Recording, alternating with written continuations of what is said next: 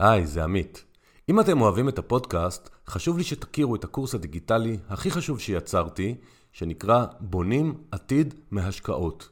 בקורס הכנסתי את כל הידע והניסיון שלי בבניית תיקי השקעות בכל סכום. ידע שצברתי במעל 40 שנות ניסיון בהשקעות שונות. תצאו מהקורס עם כל הידע הפרקטי והמעשי של איך לבנות תיק השקעות הנכון לכם.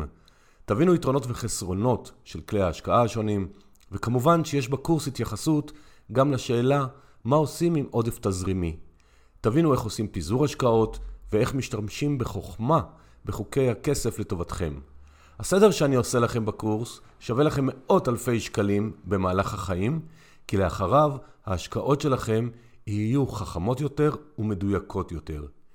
אם הבנתם שרק מעבודה לא מתעשרים, ואתם רוצים להגדיל את ההון המשפחתי ואולי לפרוש לפני הפנסיה, זה הקורס בשבילכם. לפרטים והרשמה אפשר לפנות בדף הבית של האתר 2invest.co.il ולכם המאזינים היקרים שלי, יש הנחה משמעותית עם קוד קופון המילה השקעות. ועכשיו לפרק.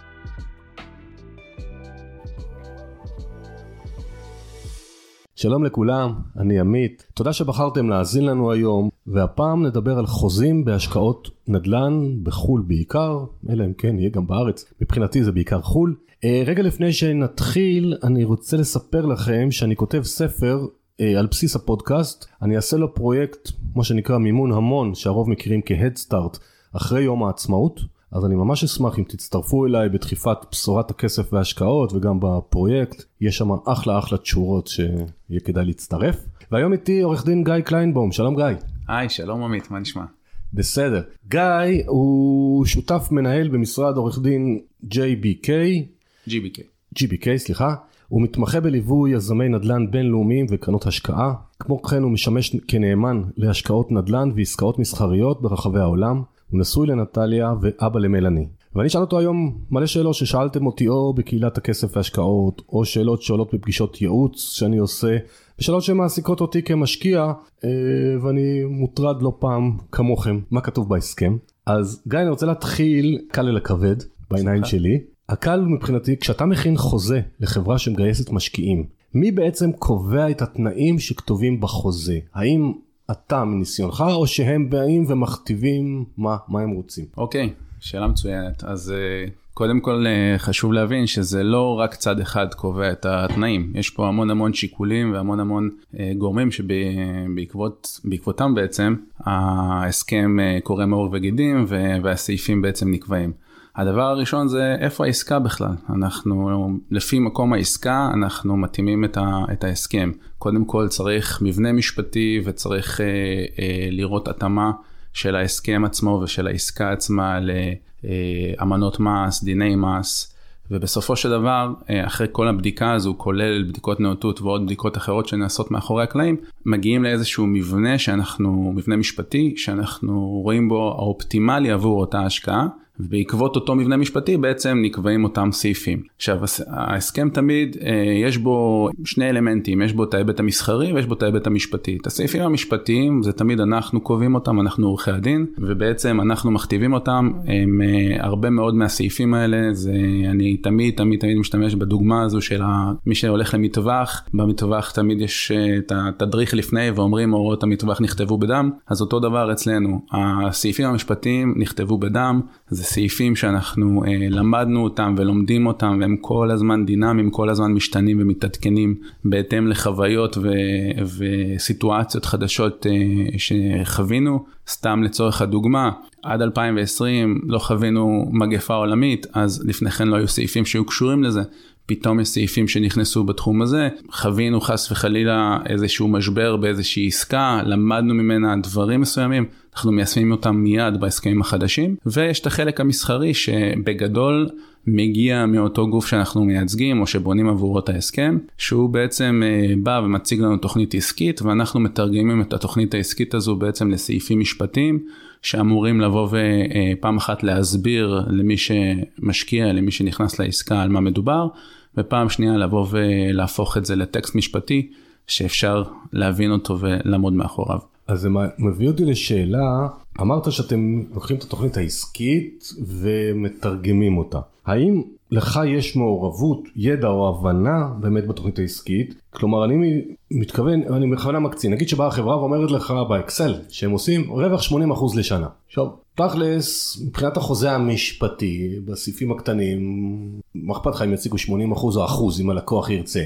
אבל אז השאלה כמה מעורבות יש לך, אם בכלל, במספרים, כי אתה לא האיש בשטח, אתה לא אחראי על מה שהם מבטיחים מסחרית. אוקיי, okay, אז זו גם שאלה מצוינת. בעיקרון כנותן שירותים. נכון שמה שאומר לי הלקוח אני בסופו של דבר נותן לו את השירות ומייצר לו את ההסכם אבל יש לנו המון המון ניסיון המון המון רקע בעבר בתחום ההשקעות בליווי עסקאות כאלה. אנחנו מכירים את השווקים והרבה מאוד פעמים שאנחנו נפגשים במשהו כזה שאו שהוא לא נראה הגיוני או שהוא לא סביר אז אנחנו כמובן מרימים את הדגל ואומרים ללקוח שלנו תשמע זה לא יעבור שום דבר ומציעים לו איך לשפר את זה ומה כן לעשות ומה מה כן אה, לומר. הרבה מאוד מקרים אנחנו גם כן, כשאנחנו נחשפים אולי לטעויות או לדברים שלא נראים לנו, אנחנו שואלים את השאלות, ובדרך כלל אם זה גוף רציני והוא עובד עם אנליסטים, אז יש להם תשובות טובות שבסופו של דבר אפשר לבוא ולהצדיק את זה ובאמת להכניס את זה להסכם. אבל איפה שאנחנו עולים באמת על דברים שהם מוזרים, או שמדובר על יזם שזה פעמים ראשונות שלו והוא עדיין לא יודע איך להביא את זה לתוך העסקה, אז הניסיון שלנו והרקע שלנו, גם מהמון עסקאות שעשינו עם אחרים הרבה יותר גדולים ומקצועיים, וגם מה, מה שנקרא מההתגלחות האישית שלנו, אז אנחנו כמובן אה, תורמים את זה, וזה חלק מאותו שירות שאנחנו נותנים ל, ללקוח שלנו. נכון שאנחנו עורכי דין ומשרד עורכי דין, ועיקר השירות שלנו הוא משפטי, אבל אה, קודם כל חרטנו על דגלנו שאנחנו לא נותנים רק שירות משפטי. משפטי, אלא אנחנו גם מביאים ערך מוסף ללקוחות שלנו, וערך המוסף הזה בא הרבה פעמים לידי ביטוי באותם אה, פידבקים שאנחנו נותנים, אם זה מתוכניות עסקיות, אם זה מהקשרים שאנחנו מכירים, אם זה משווקים אחרים שאנחנו מכירים, ובעצם תורמים ללקוח ממקומות אחרים עוד בעצם, והופכים את האחד ועוד אחד לשלוש. אז לפני שנצלול לכל מיני שאלות ממש מקצועיות בעולם התוכן שלך, שאלה מאוד מאוד נפוצה, שיש גם לי וגם מאזינים או לקוחות שלי,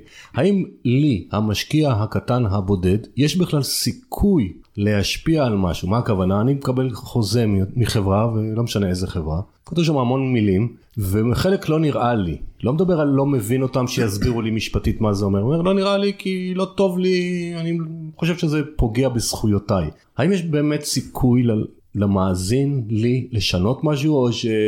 ככה זה, כי הם באים לשווק ל-50, 60, 30, 40 לקוחות ולא רוצים להתעסק איתנו. תראה, בשיטה שעובדים אה, עם קבוצות משקיעים או שעובדים עם איזשהו גוף שזה לא עסקה אה, יחידנית ביני לבינך, אלא יש עוד המון שהולכים להיכנס לאותה עסקה, או שזה איזשהו סרט נע של עסקאות מאותו סוג, בדרך כלל המשקיע הקטן לרוכש, או למשקיע, אם זה, אם זה קבוצה, אין הרבה say בלשנות את ההסכם, פשוט כי ככה זה עובד, זה, זה איזשהו הסכם אחיד או כמעט אחיד, שבעצם, אה, אה, כמו שאמרתי מקודם, נכתב בדם, יש בו המון המון סעיפים, המון המון דברים שבאים בסופו של דבר לבוא ולהבטח עבור הלקוח, שזה הגוף שאות, שאותו, אה, שהכין את העסקה, שהכין את ההסכם, לבוא ולהגן עליו ובכלל לבוא ולבנות את העסקה בצורה מקצועית, ולכן אה, בדרך כלל אין אפשרות לשאת ולתת על הסכם כזה.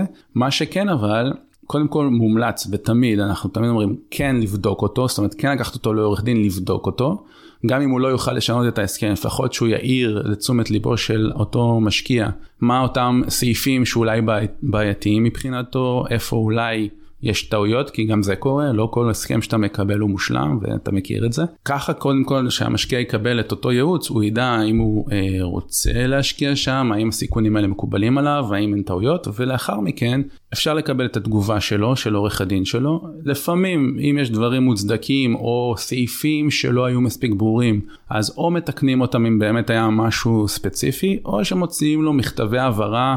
שבעצם אמורים לבוא ולספק למשקיע איזושהי הבהרה על אותו סעיף שהוא יראה שהוא מבין את זה במילים שלו כמו שהוא התכוון, אבל כמו ששאלת, בשורה התחתונה אי אפשר לשנות את ההסכם, או לפחות ברוב המקרים אי אפשר לשנות את ההסכם. אני רוצה להתייחס לשתי נקודות שאמרת. אחת, אתה אומר, כי זאת שאלה נפוצה. כדאי לקחת עורך דין מטעמי או חבל על הכסף. אם אני מבין נכון, אתה אומר, קחו עורך דין, זה יעלה לכם כמה אלפי שקלים בוודאות, אבל לפחות אם אתם הולכים להשקיע 50 אלף דולר, 80 אלף דולר, 200 אלף דולר, לא משנה איזה סכום, לפחות מישהו יסביר לכם מה, מה זה. הוא כנראה לא יצליח להשפיע עליי, על החוזים שאני עשיתי, כי הלקוח שלי עיקש, אבל זה חשוב לכם. הבנתי אותך נכון? הבנת אותי מצוין. כל משקיע שהולך לעשות עסקה, שיעזר בבעלי מקצוע, אם זה עורך דין ואם זה יועץ אחר, זאת אומרת בסופו של דבר, אם המשקיע עצמו לא מנוסה בתחום ההשקעות, הוא לא השקיע אה, מספר פעמים, הוא לא מבין בזה, הוא לא בא מהתחום הזה, אז הוא יהיה חייב אה, לקבל, אה, לדעתי, כן, הוא יהיה חייב לקבל אה, ייעוץ של מישהו. יכול להיות שזה עורך דין אם הוא לא מבין את מה שהוא קורא בתחום המשפטי והוא חושש ממה שהוא קורא, או יכול להיות שזה יועץ אחר בתחומים אחרים. בשורה התחתונה אנחנו תמיד ממליצים שאתה עושה עסקה ושאתה הולך לחתום על הסכם והולך להשקיע פה סכום נכבד, זה לא משנה אם הסכום הוא קטן או גדול, אבל הוא עדיין הוא סכום נכבד, זה השקעה בכמה אלפי אה, שקלים אם לא יותר, לקבל ייעוץ ולבדוק את ההסכם ולהבין על מה חותמים. כי בסופו של דבר ההסכמים האלה הם הסכמים שאמורים לצפות פני עתיד ו- ואמורים לתת מענה לתקופה ארוכה של השקעה, ואם אתה המשקיע לא מבין על מה חתמת, יכול להיות שבמהלך חיי העסקה יהיו איזה שהם בעיות בעסקה. אה, ואתה עלול למצוא את עצמך מופתע שלא ידעת על זה ובסוף אתה יכול להשאיר רק את עצמך כי אתה חתמת על ההסכם הזה. לבחון את זה ולפני שאתה נכנס לעסקה באמת לראות אם היא מתאימה לך. אני יכול להגיד לפחות מהלקוחות שלנו שאנחנו עובדים איתם שההסכמים האלה הם די הוגנים והם בסופו של דבר הם straight forward ו... אמורים לצפות פני עתיד ולכן גם זה מה שעורכי הדין שיבדקו את זה יגידו אה, זה לא אמור למנוע מהמשקיע בסופו של דבר להשקיע רק אמור להאיר בפניו את אותם סיכונים או את אותם סעיפים שהוא חייב להכיר אותם ולוודא שהוא שם לב אליהם לפני שהוא נכנס. כן אבל המילה הגון זה הגון בעיני המתבונן אבל בסדר. עוד מושג שהזכרת מקודם זה מכתב הבהרה. אתה יכול להסביר קצת מה הכוונה? זה כמו נספח לחוזה שיוצא אישית על בן אדם ולא לכל כלל המשקיעים או מה, מה, מה זה בעצם? זה נספח אישי לאותו בן אדם. אה, אם אותו בן אדם לא הצליח, לה... קרא את ההסכם, קרא מספר סעיפים, לא הצליח להבין מהם את מה שהסבירו לו. והוא הבין נכון, זאת אומרת הסבירו לו נכון וכשהוא מסביר את זה במילותיו זה, זה באמת מה שהתכוונו, אז אנחנו עושים לו בעצם איזושהי הבהרה שמה שהוא אה, הבין בצורה, אנחנו מנסחים את זה בצורה שהוא מבין אותה במילים שלו והם לא פוגעים בניסוח המשפטי ובעצם אה, מוצאים את אותו מסמך הבהרה וזה כמובן נותן לו את הקומפורט וזה משמש כחלק מההסכם זאת אומרת זה לא שינוי של ההסכם הוא לא קיבל תנאי שונה או תנאי נוסף משהו שמקפח מישהו אחר או, או מייצר לו איזושהי, איזשהו יתרון. סך הכל מבהיר לו את הסעיפים שהוא לא, לא הצליח להבין אותם כמו שהוסבר לו. סבבה.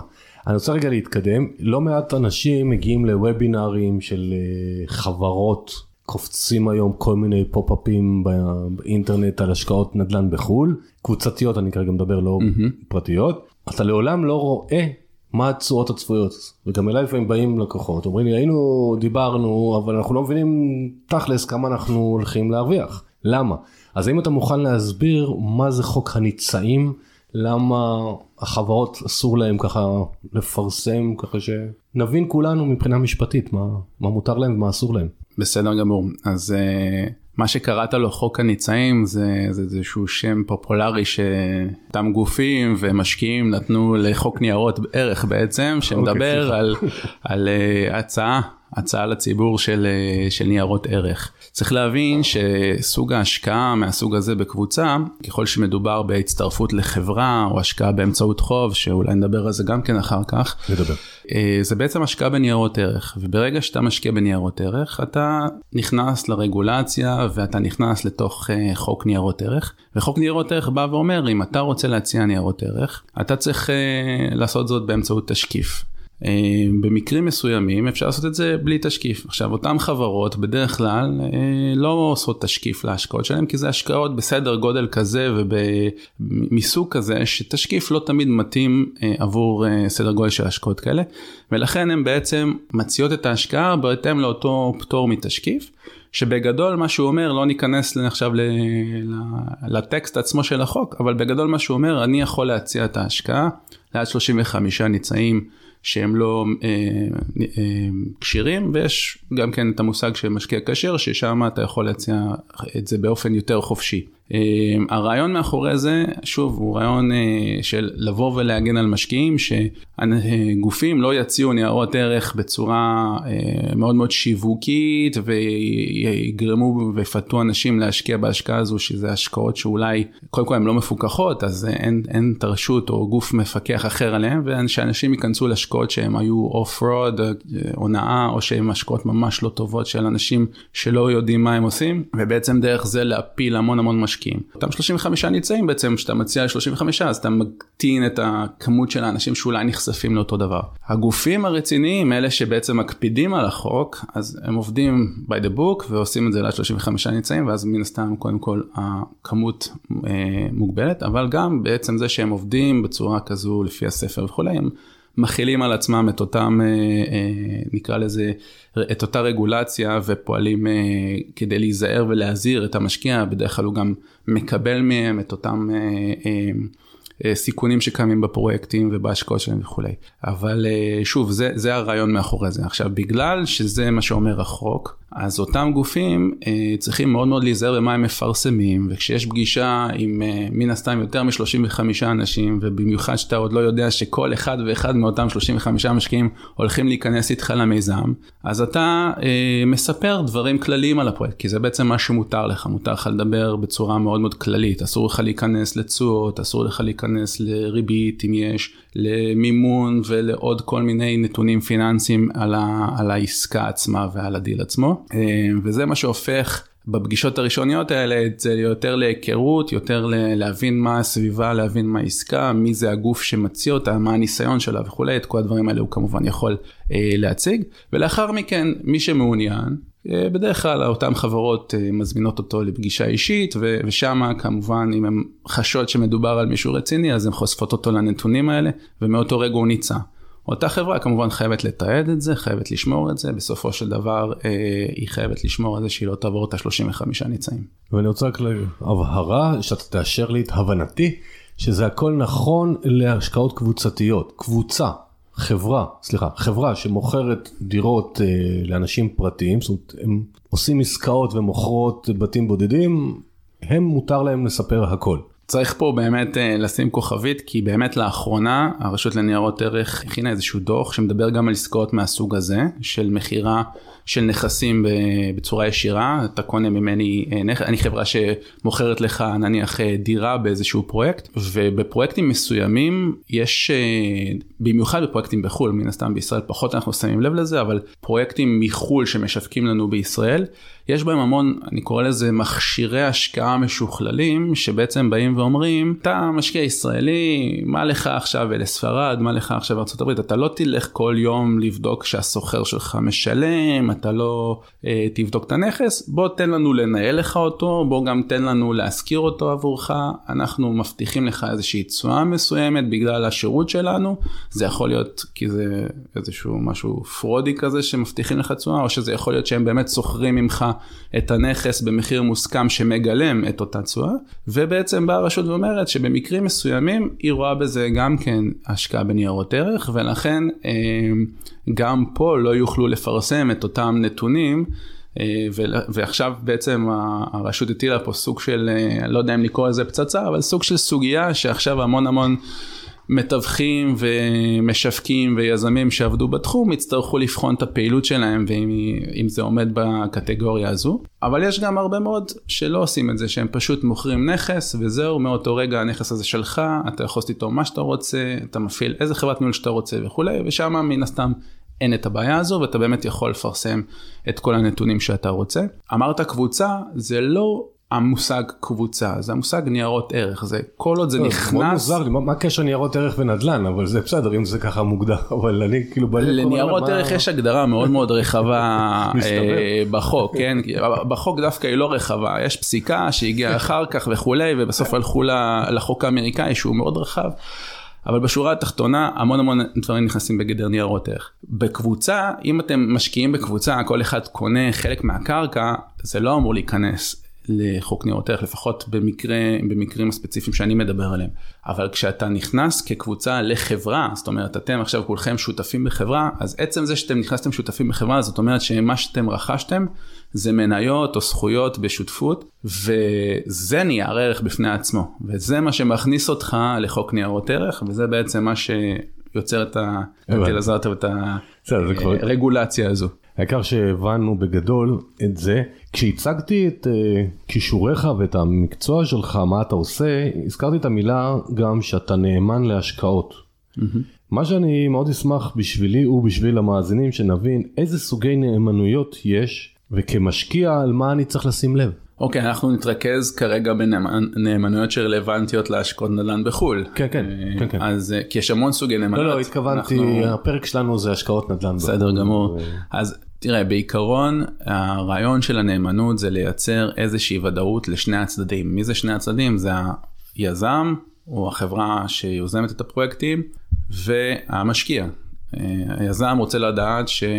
יש כספים, הם ממתינים, וברגע שיהיה אפשר לעשות, להשקיע אותם בפרויקט, לרכוש את הנכס, לעשות את כל הפעולות שהוא תכנן, הכסף הזה זמין. מצד שני, יש משקיע שרוצה לדעת שהכסף שהוא משקיע הולך לידיים הנכונות והולך באמת לפרויקט, ולא עכשיו אה, לכיס של היזם והוא קונה איתו שעוני יוקרה או מכוניות יוקרה ולא באמת הולך לפרויקט. אז הרעיון של הנאמנות הוא לייצר את אותו נאמן, זה יכול להיות עורך דין, זה יכול להיות חברת נאמנויות, זה יכול להיות עורך חשבון. בעיקרון, כמעט כל אחד יכול להיות נאמן, אבל הוא צריך לעמוד בתנאי החוק, ובעצם במסגרת אותה נאמנות, הוא מקבל, הנאמן מקבל הוראות מה הוא עושה עם הכספים. עכשיו יש נאמנויות פשוטות, שבעצם זה, הייתי קורא לזה צינור, שאתה רק מעביר כספים, ויש נאמנויות מורכבות יותר. רציניות יותר, שיש בהן מנגנונים או אבני דרך או כל מיני סעיפים ומכשירים שמאפשרים לך בעצם לוודא שכל שקל ושקל הולכים לאן שהם צריכים ללכת. לדוגמה, יש לך פרויקטים שאתה צריך רק לרכוש את הנכס, ומעבר לזה אין שם שום דבר אחר. הנאמנות בעצם בתקופה הזו של עד רכישת הנכס, קודם כל משמשת במרכאות לטובת היזם, שהוא ידע שמחכה לו כסף, לצבור את הכספים של המשקיעים, ואחר כך לטובת המשקיע, שהכסף הזה יעבור באמת כנגד רישום הזכויות בנכס ורכיסה, ורכישת הנכס. עכשיו, יש נאמנויות שגם כן כוללות כספים שאחרי זה מיועדים לבנייה, לשיפוצים וכולי. אז בנאמנויות כאלה, ככל שהן מורכבות יותר ורציניות יותר, בונים אבני דרך של, שחלקם הן משפטיות, חלקם הן אה, הנדסיות. שקובעות בעצם, אה, שקובעים בעצם מתי אנחנו מעבירים, אנחנו הנאמנים, משחררים כספים ואיזה בדיקות אנחנו צריכים לעשות לפני כן. המטרה בסופו של דבר, שאנחנו נעביר כספים באמת רק עבור המטרה שלשמם הם אה, נדרשו, וגם אם חס וחלילה תיווצר סיטואציה, לצורך הדוגמה, אה, יש לנו פה פרויקט יזמות שבונים אותו, וקבלן פשט את הרגל, אז א', שבאמת הכסף עבר רק לטובת הפרויקט ולכן הפרויקט יתקדם עד לשלב שהוא נעצר בו ואז אנחנו יכולים עם הכספים שנותרו להביא קבלן אחר ולהמשיך את הפרויקט. זה חלק מאותן דוגמאות שבעצם הנאמנות מסייעת לנו אה, לשמור על שני הצדדים וכמובן על הפרויקט עצמו שהכספים יגיעו אליו. הרעיון הוא לייצר משק סגור שכל הכסף מיועד רק לפרויקט אה, ולא לעוד דברים אחרים וזה בעצם האי הבודד הזה בעצם שומר לנו ש... ככל שלא נעשו טעויות בחישוב או דברים כאלה, שהכסף יספיק לטובת הפרויקט עצמו. בעיניים שלי אתה דיברת על נאמנויות צד אחד. מה זאת אומרת? את הצד של הקמת הפרויקט ורכישה וכולי. אני כמשקיע יש לי עוד צד. יש לי את הצד, את הצד פרויקטים תזרימיים נקרא לזה. אני מחכה לקבל כסף רבעוני או חצי שנתי או מה שמוסכם בהסכם, והכי בדרך כלל אני מחכה לסוף הפרויקט כי שם אמור להיות באקזיט הרבה כסף. האם הנאמן גם מעורב שם או שמאותו רגע אני רק אחד מול אחד מול החברה ואין לי שום ביטחון שצד ג' משגיח שאני אקבל את הכסף? אז קודם כל התשובה היא שזה מאוד תלוי בעסקה. יש עסקאות שבאמת אה, מי שיוזם אותה רוצה את אה, מנגנון הנאמנות בכל חלק וחלק. ויש יזמים שזה פחות uh, חשוב להם. אבל צריך רגע להבין שבסופו של דבר המטרה באמת הייתה שהכספים יגיעו לי, ליעדם. איך אומרים? את ה... במרכאות אני, אני אשתמש רגע בצורה בוטה, את הגניבה. יעשו בכסף הגדול ולא בכסף הקטן, אז, אז את ה, או את הפרוד או את הרמאות. ולכן בשלב הראשוני זה השלב החשוב ביותר שתהיה בו נאמנות, וגם בשלב הסופי, זאת אומרת במכירה עצמה. זה שני השלבים שחייבים בהם את הנאמנות, כי כמו שהכסף עבר לפרויקט, כך הוא גם יחזור בסוף הפרויקט במכירה עצמה. אה, לאורך... הוא לא חוזר דרך הנאמן, הוא חוזר ישירות מהחברה ללקוח. לא תמיד, אמרתי, 아, זה, אה, תלוי, זה תלוי בסוג העסקה וכולי. הרבה פעמים, אה, למשל אם אנחנו מדברים על השוק האמריקאי, אז לא באמת צריך פה את הנאמן, כי כבר זה מובנה בתוך העסקה שיש חברת title שעושה את ה closing והיא מחויבת להעביר את זה ככה. אבל במדינות אחרות וחוקים אחרים שלא תמיד יש נאמנים ולא תמיד המנגנון עובד דומה, אז הרבה מאוד מהחברות בעצם עושות את זה. זה חלק גם מההמלצות שאנחנו עושים ללקוחות שלנו, כשאנחנו בעצם בונים עבור לקוחות שלנו את אותן אה, עסקאות, אז אנחנו אה, בונים להם מנגנון שהוא הלוך וחזור. לאורך חיי הפרויקטים זה פרויקט מניב, אז הנאמנות יכולה לסייע, אבל לא תמיד נדרש אותה, לפעמים היא מייקרת את התהליך ולא תמיד צריך אותה. ובוא נגיד שאם לא קיבלת את התשלומים שלך מהר מאוד, אנחנו נבין שמשהו פה קורה, אבל זה בדרך כלל במרכאות הכסף הקטן של הפרויקט ולא הכסף הגדול, ושם אה, מישהו ירים את הדגל האדום ברגע שהוא לא מקבל את הכספים שלו, ויהיה יותר קל לטפל באותו אה, יזם או גוף שעשה את, ה, את הפאול הזה. אל מול מאשר תעביר את הכספים שלך למישהו שאתה סומך עליו בלי נאמן ופתאום לא יקרה כלום או ייקח את הכסף הזה למקום אחר.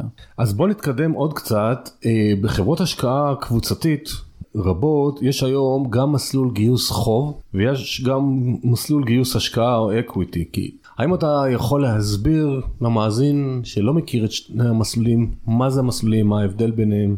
אוקיי okay, אז אה, מסלול equity או מסלול הון זה בעצם המסלול היותר סטנדרטי שאמרת לא מכירים אבל לדעתי רובנו מכירים אותו זה המסלול שנקרא סיכוי סיכון. אה, אני בעצם משקיע אה, בחברה בהשקעה הזו אה, אני הופך להיות שותף. אני מקבל זכויות, אם זה שותפות אני מקבל יחידות השתתפות, אם זה, אם זה חברה אני מקבל מניות, ובעצם מאותו רגע סיכוי, הסיכון שלי זה שאני יכול חס וחלילה להפסיד את הכל אם החברה הזו נכשלה, הפסיד את כל כספה, אבל מצד שני הסיכוי שלי הוא עצום, זאת אומרת ככל שיהיו לה יותר רווחים אני חלק מאותם רווחים. מודל של החוב הוא בא ואומר משהו אחר, הוא בא ואומר אני לא מעניין אותי כל כך מה יהיו הרווחים, אני מגדר את הסיכון שלי בזה שאני נותן הלוואה בתור מלווה, הקונספט של הלוואות, הלוואות צריך להחזיר. אין דבר כזה שלא, שלא מחזירים אותם. בעצם בקונספט הזה, יש ריבית שאנחנו יודעים אותה, יש את קרן ההלוואה, שאת זה צריך להחזיר. ובדרך כלל ככל שההלוואה מסוכנת יותר, הריבית גבוהה יותר, ככל שהיא בטוחה יותר, הריבית נמוכה יותר. בדרך כלל גם להלוואות מהסוג הזה, או למסלולי חוב מהסוג הזה, יש גם בטוחה. בטוחה אמורה בעצם לבוא ולהגן על אותו אה, מלווה, במקרה שההלוואה הזאת תיכנס לדיפולט, ואז יהיה צריך אה, לממש את ההלוואה, אז יהיה אפשרות לממש את הבטוחה ולהחזיר את הקרן או את רובה, זה בעצם נותן הגנה. מה שאין למשקיע ההון, שהוא בעצם שותף. הוא כמו שנכנס לסטארט-אפ, הוא אומר, אני מאמין בדבר הזה, ככל שזה יצליח יותר אני אקבל יותר, אם זה לא יצליח אני מודע לזה שגם אני יכול לא להצליח. בהלוואה זה לא מעניין אותו. הדבר היחידי שצריך לעניין את מי שנכנס למסלול חוב, זה לוודא שאותה עסקה שהוא נותן לטוב, את החוב בעסקה הזו, יודעת לשרת את החוב. זאת אומרת, תדע להפיק את ההכנסות שישלמו את הריבית ותדע להחזיר את הקרן. זה בעצם הדברים שצריך, וזה בעצם ההבדל בין שני המסלולים האלה. זה בסופו של דבר שאלה של איזה סוג משקיע אני. אוהב סיכון, פחות אוהב סיכון, זה בעצם מי משקיע איפה, ויש גם הרבה משקיעים שמשלבים את שניהם, ויש גם הרבה עסקאות שמשלבים את שתי האפשרויות האלה. טוב, אז אישית אני גם וגם וגם וגם, וחלק מהשאלות שלי נובעות גם מעצמי, ו, ואז השאלה, אתה הזכרת שבמסלול חוב יש ביטחונות, ועל פניו אתה יודע, יש קרן פלוס ריבית, ולא תהנה מאיזה אפסייד גדול, אבל אתה כאילו מובטח. השאלה שאני שואל, הביטחונות האלה, כמה באמת הם ביטחונות ואיך מממשים, כי להבנתי, בדרך כלל יש גם יזם בחו"ל שלוקח הלוואה מהבנק, והבנק תמיד יהיה נושה ראשון, אז כמה באמת, תכלס, כעורך דין אני שואל, הביטחונות האלה שווים חוץ מאיזה שקט נפשי תאורטי שיש לי. אז אין לזה מה שנקרא תשובת בית ספר של שחור ולבן, זה הכל תלוי אה, בעסקה, תלוי ב... איך בנו אותה, תלוי מי מעורבים בעסקה, יש בנק כמו שאמרת, אין בנק, אבל בשורה התחתונה כשאתה משקיע ואתה רוצה להבין לאן אתה נכנס, אז אתה באמת אה, תשאל את השאלות האלה, יש בנק, אין בנק, גם הריבית עצמה מן הסתם אומרת הרבה על אותה הלוואה, ככל שהריבית גבוהה יותר, כנראה שהביטחונות נמוכים יותר. אני לא אומר שזה תמיד ככה, כן, יש גם, אה, יש גם שווקים שיש בהם אנומליות, אז לכן אפשר לתת ריביות מאוד גבוהות שם וכולי, אבל, אבל ברוב המקרים הריבית מגלמת את הסיכון. אתה, ככל ש... אם, אם אתה הבנק, אתה הבנק לצורך העניין, אתה נותן ריבית כמו שאנחנו מכירים פה מהבנקים היום של, אה, לא יודע, עד חמישה אחוזים נניח, זה בגלל שהם בדרך כלל משעבדים לך את הנכס, והם ראשונים בתור, אז הם יכולים להרשות לעצמם ריבית במרכאות נמוכה. כשאתה לא מקבל שעבוד ראשון, אתה מקבל אולי שעבוד שני במידה והבנק הסכים, או, או כל מיני ביטחונות אחרים, אז מן הסתם הריבית עולה ואתה צריך להכיר את זה, אין הרי השקעות ש...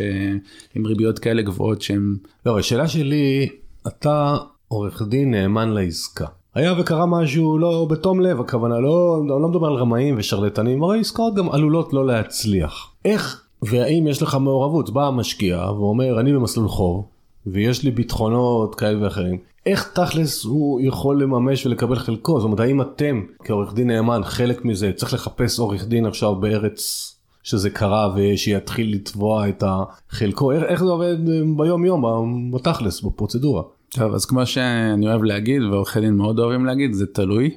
בסדר. אני יכול לדבר ספציפית על העסקאות שלנו, כי מן הסתם אני, יש המון סוגים ולא תמיד מה שאני אומר עכשיו קורה גם בהם. אבל בעסקאות שלנו, בדרך כלל מה שאנחנו ממליצים ללקוחות שלנו, וברוב המקרים הם מקבלים את זה וזה המנגנונים שאנחנו בונים. אנחנו בתור נאמנים אנחנו מעורבים גם במימוש הביטחונות. אנחנו מחזיקים את הביטחונות האלה עבור המשקיעים ובמקרה של דיפולט, אה, במקרה של הפרה, אנחנו יכולים לממש את הביטחונות האלה.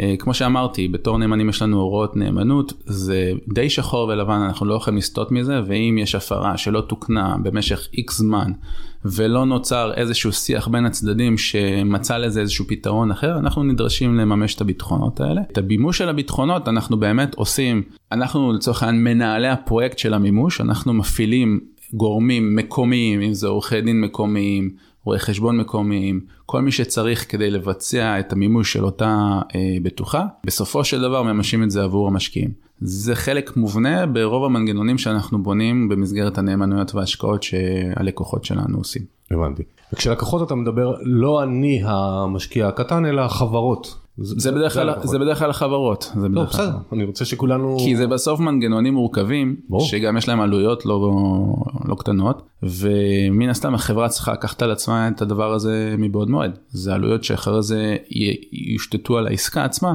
וצריך להיות מוכנים לזה. המשקיע במרכאות הפשוט שעושה עסקה לבד מאוד מומלץ שיהיו לו מנגנונים דומים אבל הוא לא תמיד יכול להרשות לעצמו לא, לזרום אותם בעצמו. אני רוצה לחדד עוד פעם משהו שאמרת על מסלול ההון. בתכלס הם שותפים בחברה והביטחונות שלהם זה אמונה ותפילה במנהל הקבוצה או מנהל החברה נכון? אין להם ביטחונות. אולי הם חלק ב-LLC או זה כל מיני אותיות כאלה שיש גם כל מיני מבנים משפטיים שכנראה לא נספיק להיכנס אליהם שאני בטח לא מבין בהם אבל אין להם ביטחונות. תראה מה זה אין להם ביטחונות? הם קודם כל שותפים בחברה. יש להם זכויות בחברה אם זה מניות אם זה יחידות השתתפות אם זה membership rights כל כל שם מתאים לסוג אישות אה, משפטית אחרת. הישות המשפטית הזו בסופו של דבר היא הבעלים של הנכס. הם בעצם הבעלים של הנכס אבל דרך זה שהם בעלי מניות באותה חברה שהיא הבעלים של הנכס. אז זו הבטוחה העיקרית שלהם הנכס. והבטוחה השנייה זה אותו הסכם הפעלה אותו תקנון אותו הסכם השקעה. שבעצם מגדיר את התנאים של ההשקעה ואיך החברה הזו הולכת לפעול. אה, אבל כמו שאמרתי, בניגוד למסלול החוב, זה מסלול שיש בו אה, סיכון קצת יותר גבוה, אבל מצד שני הפוטנציאל והסיכוי הוא הרבה יותר גדול.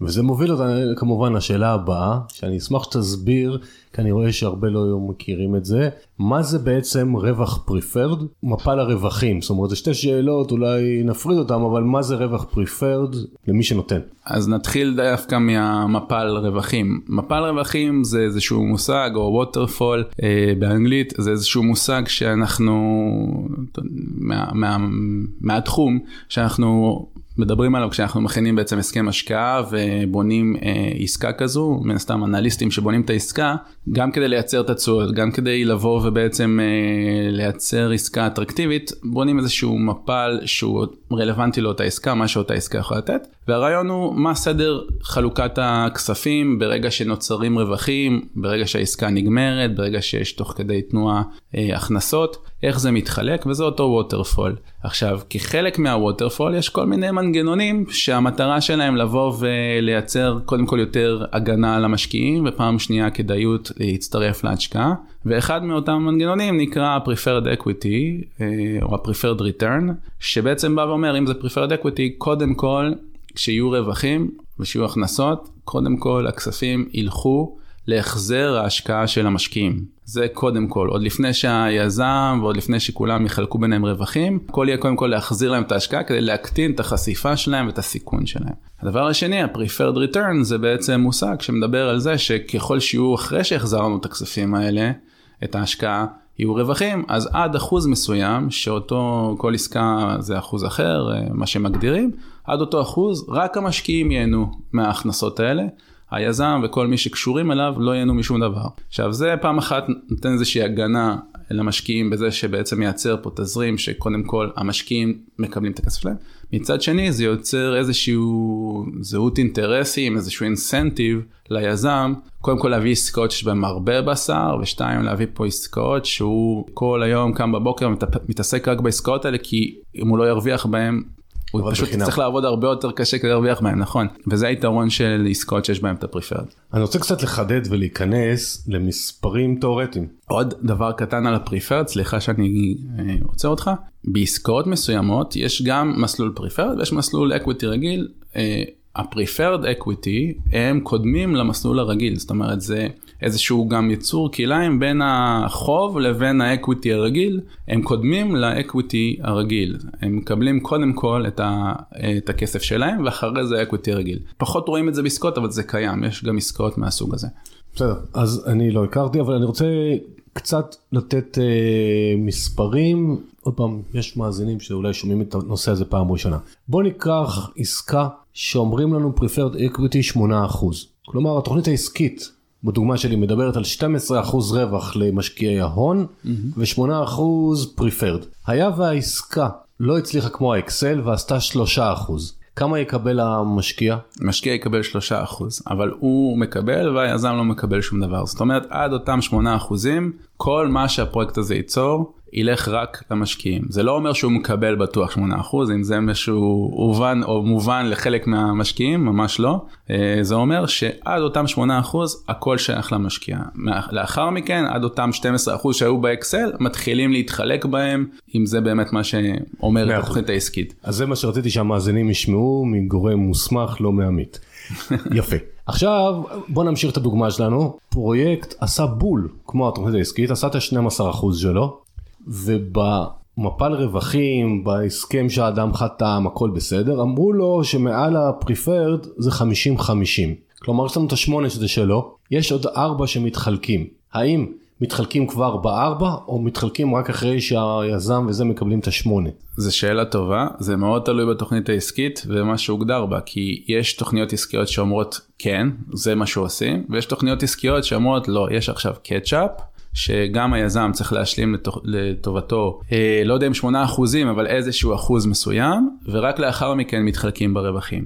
דרך אגב, יש גם עסקאות, וזה דווקא בדרך כלל העסקאות הכי נקרא לזה בוננזה עבור היזם, כי הוא באמת באמת מאמין בהם, והוא כל כך מאמין בהם שהוא בא ואומר, אני נותן לכם רק פריפרד. מה זאת אומרת? אני אתן לכם פריפרד יחסית גבוה, סתם נתת פה דוגמה, לא נצמד אליה 12 אחוזים, אבל רק את זה תקבלו, כל מה שיהיה מעל זה שלי. וזה בדרך כלל, אה, אם אתם רואים עסקה כזו, זה כנראה עסקה שהיזם מאוד מאמין בה. 100%. אני יודע לאן אני חותר. אז אני רוצה להמשיך את החתירה שלי. אוקיי, okay, בשמחה. לא, לא, אני רוצה שהמאזינים יבינו פשוט, כי אני רואה כל כך הרבה אי הבנה בזה, ולכן אני ממש נכנס לדוגמה מספרית. ממשיכים בדוגמה שלי, האיזוטרית הזאת. אז קודם כל, מאזינים יקרים, מי שיש לו עסקה, וכתוב לו בהסכם קצ'אפ, הרבה פעמים, בלי לפגוע במשווקים שכנראה חלקם מאזינים לי, אה, ולנו, אני לא בא לפגוע בהם, אבל תבינו באמת מה זה ה catch-up ועד כמה. כי הרבה פעמים אני נתקלתי שמדברים מהר מהר מהר כדי שלא נבין מה זה catch-up. אבל עכשיו נגיד מנגנון בלי catch-up, אני חוזר לדוגמה, preferred 8, פרויקט 12 עשה 12 והחלוקה 50-50. מה שאמר לנו גיא, בעצם אתם מקיימים 8 ועוד חצי מהארבע הנוספים, קיבלתם סך הכל 10, 10 אחוז. אני צודק? בדוגמה הזאת בדוגמה כן. הזאת כן. ומה אני חותר? כי אני ראיתי לא פעם שבמסלול חוב מציעים נגיד 10 אחוז, ואז אומרים למשקיע ובמסלול ההון תקבל 13 אחוז. הוא לא מבין את מפל הרווח של ה-50-50 או 60-40 או 70-30 זה כבר באמת בהסכם. הוא משווה 10 נגיד ל-13 או 14 הוא לא משווה לכמה הוא יקבל לעומת ה-10. ועל זה רציתי שאני שיהיה מובן מה, מה עשוי להיות בסוף כי בסוף משקיע צריך לראות כמה הוא מקבל. הפרויקט פחות מטריד אותו כמה... אתה צודק במאה אחוז ובגלל זה כמו שאמרתי בתחילת השיחה שלנו משקיע צריך לבחון את ההסכמים שהוא מקבל את העסקה שהוא מקבל יכול להיות באמת שאם הוא ישלח את התוכנית העסקית לגורם מקצוע שיראה אותה יבוא ויעשה לו השוואה אל מול מסלול חוב, יבוא ויגיע למסקנה דומה למה שאתה הגעת. ויכול להיות שבעסקה הזו זה לא, זה לא המצב, כי יש שם תשואות עצומות, ואז באמת אה, זה לא רלוונטי, אבל זה בדיוק אותו, אותה הסיבה שבגלל זה צריך בעל מקצוע, או להבין את מה שאתה קורא, ובמיוחד להבין את התוכנית העסקית. כן כן ולכן אנחנו עושים את הפודקאסט אני עושה אותו כללית והיום גם הפרק איתך כי היו לי לא מעט פרקים עם המשווקים או יזמים עוד פעם הם אומרים, הם אומרים את האמת אבל אני אומר אותו משקיע שהוא לא קורא מספיק והוא חוסך את החמשת אלפים שקל או כמה זה עולה אין לי מושג חוות דעת אה, שנייה אז הפודקאסט קצת ייתן לו עוד נקודות על מה לשים לב. מאוד מקווה באנו לסייע. שאלה שהתבקשתי לשאול דרך הקהילת פייסבוק שלי כסף והשקעות היא איזה קווים אדומים לדעתך צריך משקיע לשים לב אליהם בזמן שהוא חותם, עוד פעם אני מדבר על קבוצתי לא, לא דירות mm-hmm. בבעלות, זאת אומרת על מה לא לוותר ואפילו לעזוב את העסקה, איזה נורות אדומות אתה יכול לעזור לנו. תראה בעיקרון דיברנו על זה בהמון המון סיטואציות, אה, יש, יש הרבה נורות אדומות אה, אבל העיקריות זה באמת אה, קודם כל, קודם כל שלא ילחיצו אותך. אוקיי זה מאוד חשוב שלא ילחיצו אותך כמו שאמרנו צריך לקחת בעל מקצוע ולהסתכל על הדברים אם מישהו אומר לכם שאתם מפספסים הזדמנות אז תאמינו לי, יש הרבה מאוד הזדמנויות, אה, ואם מישהו מלחיץ אותך אה, ולא מאפשר לך ללכת לבעל מקצוע מטעמך בגלל אותו לחץ, אז זה נורה אדומה מאוד מאוד בוהקת. דבר נוסף זה עד כמה באמת היזם מאמין בעסקה של עצמו, האם הוא אה, משקיע בה בעצמו, האם הוא מסכן את עצמו, האם כל הכסף שמסוכן פה זה רק אה, הכספים של המשקיעים, זה מאוד מאוד חשוב להבין את זה עם, אה, עם היזם עצמו מעורב ועד כמה הוא מסוכן שם. דבר שלישי זה שלא מעורבים בעלי מקצוע איכותיים ורציניים בעסקה הזו, אין עורך דין שמלווה את העסקה, אין נאמן, הכל נעשה ככה במחשכים, אה, בוא בוא תחתום לי דברים שהם ככה הרגל אחת, הרבה פעמים אני שומע את המושג הזה one pager כזה, זה משהו שהוא, דרך אגב אם אתם רואים חוזים של אה, הרבה מאוד עמודים זה לא דבר רע, זה, זה אומר שיכול להיות שהגוף מאחורי זה מאוד מאוד רציני ורוצה באמת להציג כמה שיותר מידע עבור, אה, עבור הלקוח. בדיוק ההפך, ככל שהעסקה יותר מורכבת והיא one pager כזה, אז זה סימן אה, אור אדום מובהק גם כן. עוד דברים שיכולים להיות כ... לא, שאלה שלי גם, האם יש נקודות שאתה אומר למשקיע, כזה דיברת על המעטפת, עכשיו נדבר על המשרד, האם יש משהו, אולי אין, אני לא יודע, שעדיף למשקיע פשוט לא להשקיע בפרויקט הזה, בחברה הזאת, זאת אומרת אם יש איזשהו משהו שכעורך דין אתה אומר, אם זה לא מופיע בהסכם, או אם התנאים כאלה גרועים, תברחו כמו מאש. השאלה אם יש לזה, אני לא יודע. תראה, זה מאוד אינדיבידואלי כלפי אותו משקיע. יש משקיעים שאוהבים סיכון ולא אכפת להם הרבה, אז יכול להיות שאותו משקיע פחות אנחנו אה, נתעמק במה מה אותו קו אדום. אבל יש משקיעים ששונא סיכון, רוצים ביטחון, רוצים דברים, ואתה רואה שאין את הביטחונות האלה ואין את אותם הגנות. אז מאוד חשוב באמת לשים לב שבעסקה שאתם נכנסים אליה יש מנגנונים שהוכנסו מבעוד מועד לעסקה שאמורים לצפות כמה שיותר פני עתיד באירועים מסוימים כי נכון שחוזה כולנו רוצים אה, לחתום עליו ולשים אותו במגירה וככל שהעסקה הולכת כמו שצריך אז באמת לא פותחים את המגירה הזו אבל אם חס וחלילה נצטרך לפתוח את המגירה ולהיכנס ולהתחיל לטפל באיזשהו משהו שקרה בעסקה אז שבאמת אותו הסכם ואותה עסקה יש בה את המנגנונים שיאפשרו לעשות את זה. אה, למשל מה קורה אם חס וחלילה קרה משהו ליזם מה קורה אם העסקה נכשלה, מה קורה אם השוק קרה לו משהו ומה עושים בתנאים האלה. אז למשל אם אין אספות משקיעים, אם אין דוחות למשקיעים, אם אין שקיפות למשקיעים, זה דברים שצריך לראות אותם. אם היזם עצמו לא לוקח אחריות על, ה, על העסקה אה, ולא פועל ולא אה, מוסמך לעשות את הדברים האלה, צריך לשים לב לזה. כל עסקה לגופה, כל אה, יזם ומה שהוא נותן יותר, מפחד יותר, זה ממש ממש אינדיבידואלי פר עסקה, אבל כמו שאמרתי, בסופו של דבר, תיקחו בעל מקצוע, כי אתם, גם אם אתם מבינים וקוראים, לא תמיד אתם תעלו על אותם קווים אדומים שעורכי דין מהתחום ישימו לב לזה. וחשוב להסתכל על זה וגם להשוות תפוחים לתפוחים. עסקה בארצות הברית זה לא כמו עסקה בספרד וזה לא כמו עסקה ביוון, וההסכם של יוון הוא שונה ממה שאנחנו נסכים שיהיה בעסקה בארצות הברית, כי שם זה עובד בצורה מסוימת ושם זה עובד בצורה מסוימת ושם למדנו לקחים מסוימים ושם חווינו חוויות אחרות, ובסופו של דבר אתה כמשקיע הרגיל אם אתה לא עשית הרבה השקעות בתחום, אתה לא תשים לב לזה, ולכן, שוב, אני חוזר על המלצה נאמבר 1, תשתמש בבעלי מקצוע מטעמך. מה שאמרת עכשיו זה מעניין, זאת אומרת, אם אני הולך לחברה מסוימת שפועלת בשלוש מדינות, אני בעצם אקבל שלושה חוזי השקעה שונים, כי אתה אומר, אמרת משהו שבכל מדינה, נגיד ארה"ב, יוון ולא יודע מה, איזה עוד, מה, בא לנו גרמניה, סתם. בעצם בכל מדינה אני אראה חוזה אחר?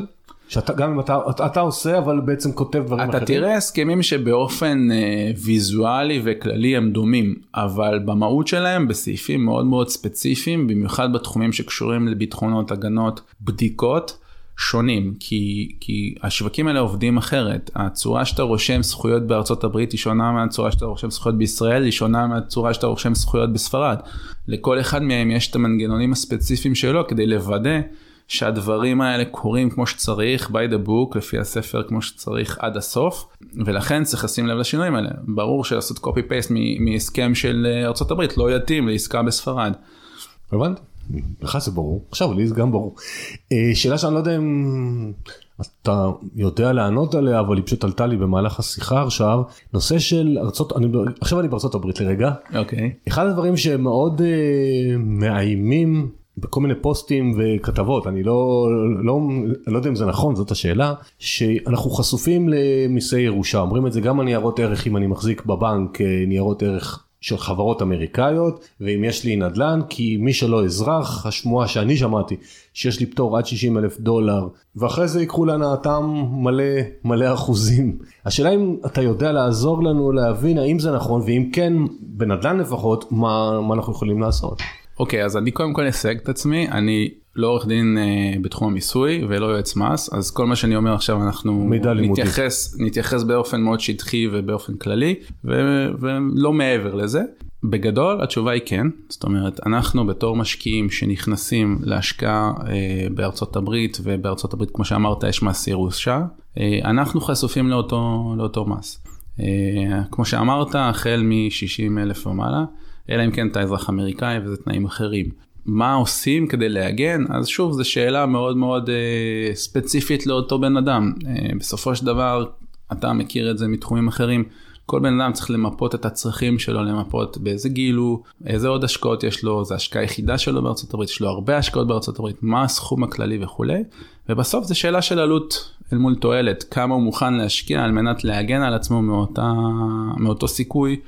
שזה חס וחלילה יקרה. חלק מהפתרונות זה פשוט ביטוח. חלק מהפתרונות... ביטוח, אה, נבהיר, ביטוח חיים. אה, ביטוח חיים. מה כן, שגיא ש... מתכוון ש... לעשות ביטוח חיים על הסכום שאתם חשופים בו למס. נכון, ויש פתרונות יותר מורכבים שגם עולים יותר וגם דורשים יותר עומק של להבין מי הבן אדם שמולנו ושוב זה מתאים רק שבאמת יש חשיפה גדולה יותר השקעות בסכומים גדולים יותר וזה מאוד מאוד אינדיבידואלי. זאת אומרת אבל אני רוצה לוודא נגיד שאני נכנס לקבוצת השקעה ב-50 אלף דולר בקבוצה א' וב-70 אלף דולר בקבוצה ב' השלטון האמריקאי רואה הוא מבחינתו יש לי 120 אלף דולר שם זאת אומרת הוא אוסף את כל האחוזים שלי מכל ה... מדובר אל... על הסך הכל כן מדובר על הסך הכל ונכון הדלתא מעל 60 חשוף. צריך לשים לב ששוב חוקית זה המצב לא תמיד רשויות המס האמריקאיות שמות לב לזה כי מדובר פה בכל מיני גופים אבל על פי חוק זה המצב וצריך להבין שהחשיפה הזו קיימת ומי שפועל על פי חוק עלול, לא הוא, אבל היורשים שלו עלולים למצוא את עצמם בסיטואציה שנקבע פה בעצם המס ירושה. אה, אנחנו די מתקרבים לסוף, אה, אז רציתי לדעת, חוזה של השקעה קבוצתית להשקעה בודדת הוא אמור, אני מנחש, להיות שונה. אה, כי זה ישר אתה מול היזם וזה איזושהי קבוצה. האם יש לך איזה המלצות למשל, כמו אחת החברות שלא נזכיר את שמה שדיברנו לפני ההקלטה, אה, כשאתה בא לבחון חוזה שם, יש דברים מסוימים שאנחנו צריכים לבחון אחרת מאם אנחנו באים כקבוצה, כי בקבוצה אנחנו פסיביים, סומכים על מישהו ומתפללים שהוא יעשה את העבודה. כשזה בבעלות, על פניו האחריות שלי האישית היא גבוהה יותר. אז יש איזה שהם המלצות למי שקונה בבעלות? כשאתה קונה בבעלות ישירה אתה מתכוון. כן. אז כשאתה קונה בבעלות ישירה. נכס, שניים, שלושה, לא משנה, אבל שהם שלך, שאתה צריך לצורך העניין למצוא את הדייר עם חברת ניהול תתעסק עם זה, זה שאלה... אז בעצם רק מוכרים לך את הנכס. אה, כן, אבל לפעמים מוכרים לי נכס קיים, לפעמים מוכרים לי נכס על נייר, לפעמים מוכרים לי נכס שעוד לא עבר פרצלציה באותה ארץ, אה, בדרך כלל זה באירופה קורה וכולי.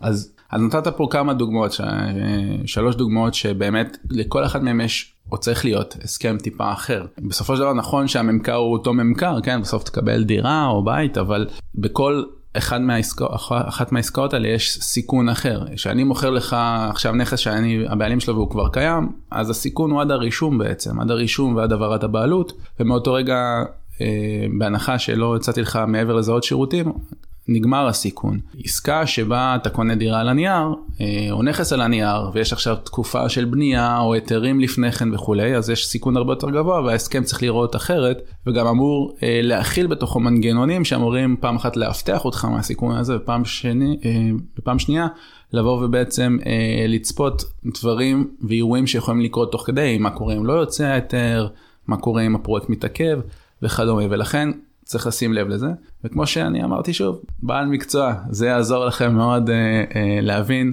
איך לגדר את הסיכונים בכל אחת מהסיטואציות האלה. תראה, אני בלי לפגוע במקצוע עורכי הדין, אז מה שאמרת הוא כנראה לא יעזור לי לגדר סיכונים, הוא יעזור לי להבין איפה אני נמצא, כי מה שאמרת בעצם שרוב החברות לא התייחסו לבקשות שלי יותר מדי ברצינות אם אני רוצה לשנות משהו. כן העורך דין הפרטי שלי יגיד לי, שמע, אתה נכנס בעיניים כרוכות לסיכונים א', ב', ג', ד', אבל לשנות את זה הבנתי שהסיכוי הוא די נמוך. אז קודם כל זה חשוב לדעת לאן אתה נכנס, נכון, זה לא, דבר ראשון. דבר שני, לא בהשקעות הקבוצתיות, בהשקעות הפרטניות שאתה קונה נכס, הבנתי. באופן ישיר, יש סיכוי יותר גבוה שכן אה, יקבלו את ההערות שלך, כי בסופו של דבר מוכרים לך איזשהו נכס ספציפי, אין עוד אה, במרכאות קבוצה שאתה יכול אה, בטעות לפגוע ב... לקבל יתרון יחסי עליהם או לפגוע במישהו אחר ולכן שם כן כנראה יקבלו את ההערות האלה. מגניב לגמרי.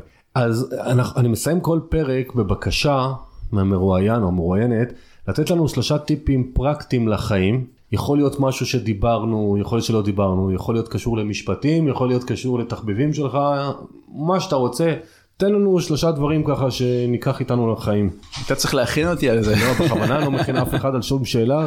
כמו שהתמודדת ביפה בכל השאלות הקודמות שלא היית מוכן אליהן. השאלות הקודמות קלות, זה מהמטריה. טיפים לחיים. זה לא, זה גם יכול להיות בדברים בעולם התוכן שלך שפשוט לא שאלתי שאלות חשובות. אני צוחק פשוט. אה, אחד זה בעולם התוכן, זה המטריה, אתה שוחה בזה, ושני זה עכשיו אה, להיות איזה מנטור. תראה, קודם כל באמת, אם אנחנו חוזרים לעולם שלי, אז אה, אני חושב ש... קודם כל תשקיעו, זה חשוב להשקיע. הפחד לא אמור להיות uh, משהו שצריך לעצור אנשים מלהשקיע. לא משנה איזה השקעה תלכו אליה, תמיד יש סיכון ולכן תשקיעו, אבל בשכל, שימוש בבעלי מקצוע, בבדיקה, בלבחון, אבל בסוף תשקיעו, זה מאוד מאוד חשוב, אם לא תשקיעו בסוף תישארו מאחור, וזה מאוד מאוד חשוב uh, שתעשו את זה, וזה טיפ מספר אחד. Uh, בכלל בעולם שלנו, ש... שמשתגע ו... ומחירי הדיור עולים והפנסיות לא מספיקות, צריך לייצר עוד מקורות הכנסה וצריך להשקיע. זה, זה טיפ ראשון שאני יכול לתת לכם. טיפ שני, אה, נביא אותו מהעולם, אה, מהעולם הפרטי שלי, אני חושב שבסופו של דבר אנחנו מאוד מאוד בעולם המודרני מאוד מאוד כל הזמן בעבודה ומי כמוני יודע ועורכי הדין יודעים אנחנו כל הזמן בעבודה אבל צריך לדעת גם לשים איזשהו גבול לעבודה ולתת גם לנפש את הזמן שלה, זה בסוף מאוד מאוד חשוב ליצירתיות. ובעיקר לבריאות, כי בסופו של דבר בעולם שלנו הלחץ הזה מייצר הרבה בעיות בריאותיות, וזה מתקשר לטיפ השלישי, השני, פשוט לנשום, זה חשוב גם לנשום לפני שעושים דברים, לחשוב פעמיים, לא להתבייש, לשאול שאלות. ספור עד עשר, מה שאמרו לנו ספור עד עשר, ולא להתבייש לשאול שאלות, אני מוצא הרבה אנשים שפשוט הביישנות מונעת מהם לעשות דברים. לא להתבייש, לשאול, לחקור, לדבר. תתפלאו כמה אה, אנשים רוצים לתת מהידע שלהם, רוצים אה, להעניק, פשוט תשאלו. הנה, נתת לנו שעה משפטית אה, למאזינים בחינם, ממקור ראשון, אז אין הביישן למד. ותודה רבה גיא, היה מאוד מרתק. היה לי כיף מאוד. חלק שאלתי שאלות בשביל המאזינים, חלק שאלתי שאלות שאני גם לא ידעתי את התשובות, אז לי היה גם מעניין. אז אני מקווה מאזינים יקרים שעכשיו יותר ברור לפחות. בתיאור הפרק יש לינק לאתר של המשרד של גיא, מי שירצה ליצור איתו קשר, אני מאמין שהוא ישמח. ותודה לכם שהייתם איתנו. אני מזכיר לכולם להצטרף לקבוצת הכסף והשקעות בפייסבוק, לעקוב אחרי הפרויקט אה, Headstart שיתחיל באמצע מאי בערך, החצי השני, ונשתמע בפרק הבא. תודה לכולם.